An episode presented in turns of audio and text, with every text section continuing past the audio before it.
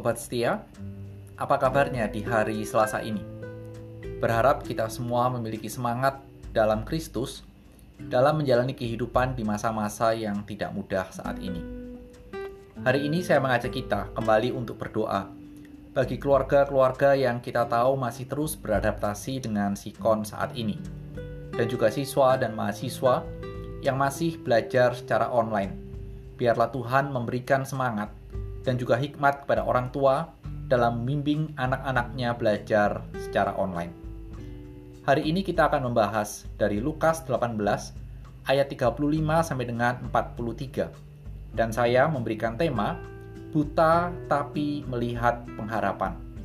Dan ayat-ayat ini akan dibacakan oleh Eunike Sianipar, mahasiswa FON. Terima kasih buat supportnya dan Tuhan memberkati studimu dan keluargamu.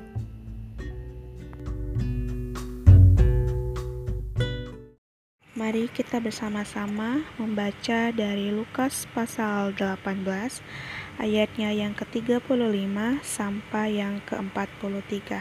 Di bawah perikop, Yesus menyembuhkan seorang buta dekat Yeriko.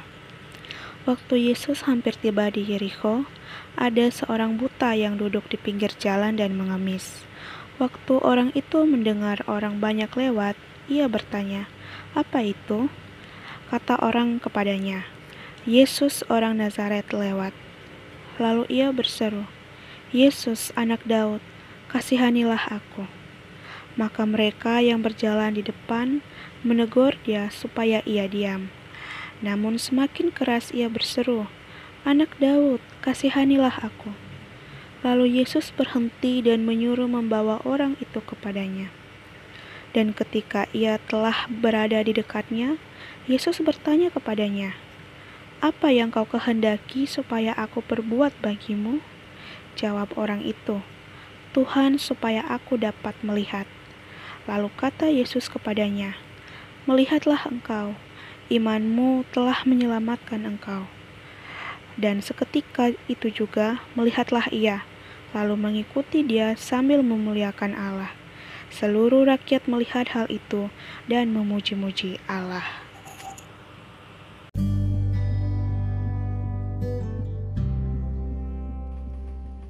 Mari kita berdoa. Tuhan Yesus, kami akan merenungkan kembali kebenaran firman-Mu. Biarlah firman-Mu menjadi mercusuar bagi hidup kami. Demi Kristus, amin. Sobat setia, beberapa bulan yang lalu, saya melakukan tes serologi. Pada saat itu saya bertemu dengan seorang alumni yang menggunakan baju hazmat karena dia melakukan tes PCR secara drive-thru. Waktu ngobrol sejenak, saya berpikir, ini anak siapa ya? Karena sudah menggunakan baju hazmat, kemudian bermasker, jadi benar-benar saya tidak mengenali. Tapi rasanya dari obrolan ini kami cukup dekat. Tapi pasti bisa juga ditebak siapa orangnya.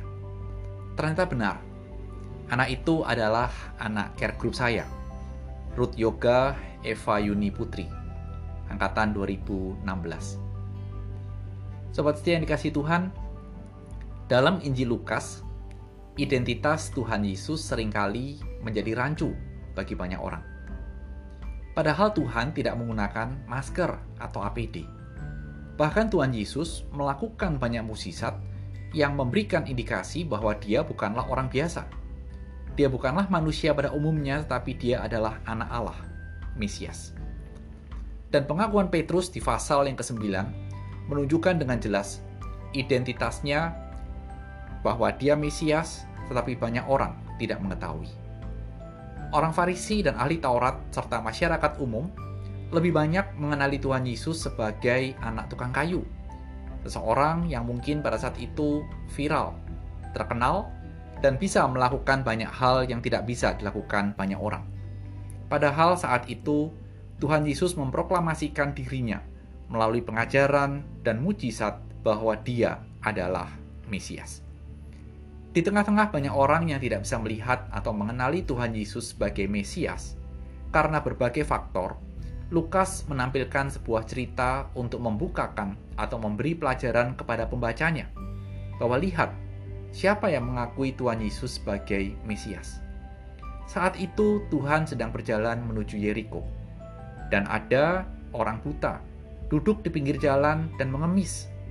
Dan sebagai orang buta, karena tidak bisa melihat, sering kali disebut orang seperti itu melihatnya dengan telinga. Karena apa? Telinganya sangat peka terhadap suara-suara yang muncul di sekitarnya, dan itulah yang menjadi matanya. Kepekaan pendengaran inilah yang membuat dirinya bertanya, "Apa itu?" Suatu pertanyaan yang mungkin karena banyak orang lewat bersama-sama dengan Tuhan Yesus, dan peristiwa itu satu peristiwa yang tidak seperti biasanya. Waktu orang memberitahu dia bahwa yang lewat adalah Yesus, orang Nazaret, orang buta ini kira-kira berpikir demikian. Dia bukan saja Yesus dari Nazaret, seorang nabi besar, dia adalah putra Daud, Mesias. Saya telah mendengar tentang ajarannya yang luar biasa dan bagaimana dia menyembuhkan orang sakit serta membangkitkan orang mati. Dan saya telah mendengar bahwa dia telah membuka mata orang buta. Orang buta dibuatnya melihat. Inilah kira-kira yang membuat dia berteriak, Yesus anak Daud, kasihanilah aku.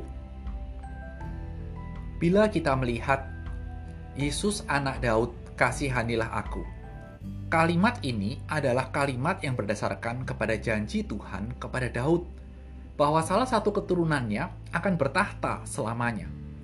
Inilah janji yang tercatat dalam 2 Samuel pasal yang ke-7 ayat 12 sampai dengan 13. Dan dengan pemahaman inilah dan dengan yakin ia berteriak untuk kedua kalinya, Yesus anak Daud, kasihanilah aku.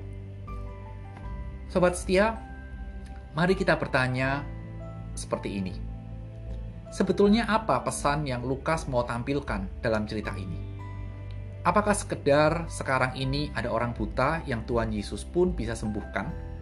Atau menekankan kepada mujizat? Bukankah Lukas mencatat di pasal-pasal awal secara umum bahwa banyak sakit penyakit yang disembuhkan oleh Tuhan Yesus? Meskipun kita tidak bisa menemukan detailnya, apa sakitnya, macam-macam penyakitnya, tetapi tidak salah kalau kita menduga bahwa sakit penyakit ini bisa termasuk orang yang buta menjadi celik. Sehingga kalau begitu, apa pesan yang ingin Lukas munculkan dari cerita ini? Bagi saya secara pribadi, ketika merenungkan bagian ini, ada rangkaian yang menarik bahwa dalam kebutaannya, yang sering kali menjadi halangan orang untuk melihat, untuk berpengharapan. Orang ini bisa melihat dengan iman siapa Tuhan Yesus. Dia buta, tetapi dia bisa melihat adanya suatu harapan. Hal ini yang paling tidak bisa menjadi sebuah peringatan bagi kita. Kita tidak buta, kita bisa melihat, tetapi sering kali yang buta adalah iman kita kita sulit melihat Tuhan Yesus sebagai Mesias yang memberikan jaminan keselamatan bagi kita dan seharusnya membuat hidup kita di dalam dunia ini bisa lebih tenang dan fokus kepada apa yang Tuhan mau untuk kita lakukan. Kesulitan dalam kehidupan yang tiada henti. Ditambah sekarang ini dengan pandemik yang mengharuskan seluruh dunia menarik rem untuk stop sejenak sering kali membutakan kita bahwa masih ada Tuhan Yesus yang menjadi tumpuan harapan di tengah-tengah kesulitan yang ada saat ini. Kalau banyak orang yang bisa melihat tetapi tidak melihat Kristus sebagai Mesias, apakah kita juga saat ini seperti orang-orang itu?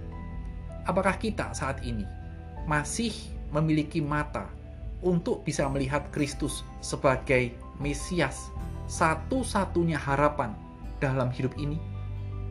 Sobat setia, renungkan perenungan ini. Kiranya kita hidup tidak dibutakan oleh kesulitan-kesulitan dan tawaran-tawaran dari dunia di tengah-tengah masa pandemik yang sulit ini. Tapi biarlah melalui perenungan ini, mata iman kita tetap melihat bahwa Kristuslah pengharapan satu-satunya dalam hidup ini. Selamat merenung, selamat beraktivitas, dan Tuhan memberkati.